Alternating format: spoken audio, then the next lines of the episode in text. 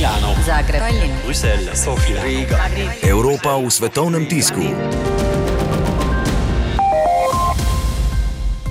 Ameriški New York Times piše o odločitvi skupine G7 glede spopadanja s požari v amazonskem pragozdu. G7 so se odločili nameniti dobrih 20 milijonov evrov, francoski predsednik Macron in njegov čilski kolega Pinera pa sta sporočila, da bodo države podprle tudi srednjeročni načrt pogozdovanja, ki ga bodo predstavili septembra.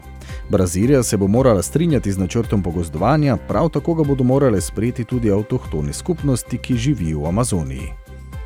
Britanski Guardian pa poroča o aktualnostih glede Brexita.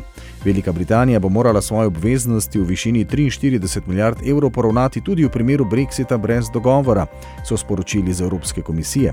Britanski premijer Johnson je namreč ponovil, da v primeru izstopa brez dogovora otok ne bo plačal računa za Brexit. Pogajalec Evropskega parlamenta za Brexit, Guy Verhofstadt, pa je izpostavil, da se Evropska unija ne bo pogajala o trgovinskem sporazumu, če Velika Britanija ne bo plačala tistega, kar še mora, dodajo pri Guardianu.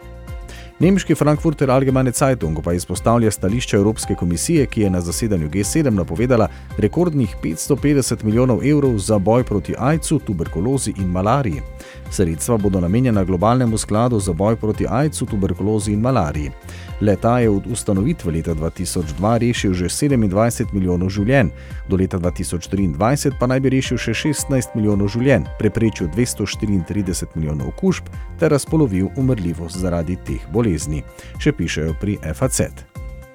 Francoski Le Monde pa piše o izjavi francoskega predsednika Macrona, da so pogovori na vrhu G7 vzpostavili pogoje za srečanje in dogovor ameriškega in iranskega predsednika Trumpa in Rohanja glede iranskega jedrskega vprašanja. Trump je povedal, da se je z Rohanjem pripravljen srečati, če bodo ustrezne okoliščine, še zaključujejo pri Le Monde. Milano, Zagreb, Tallinn, Bruselj, Sofija, Riga. Evropa v svetovnem tisku.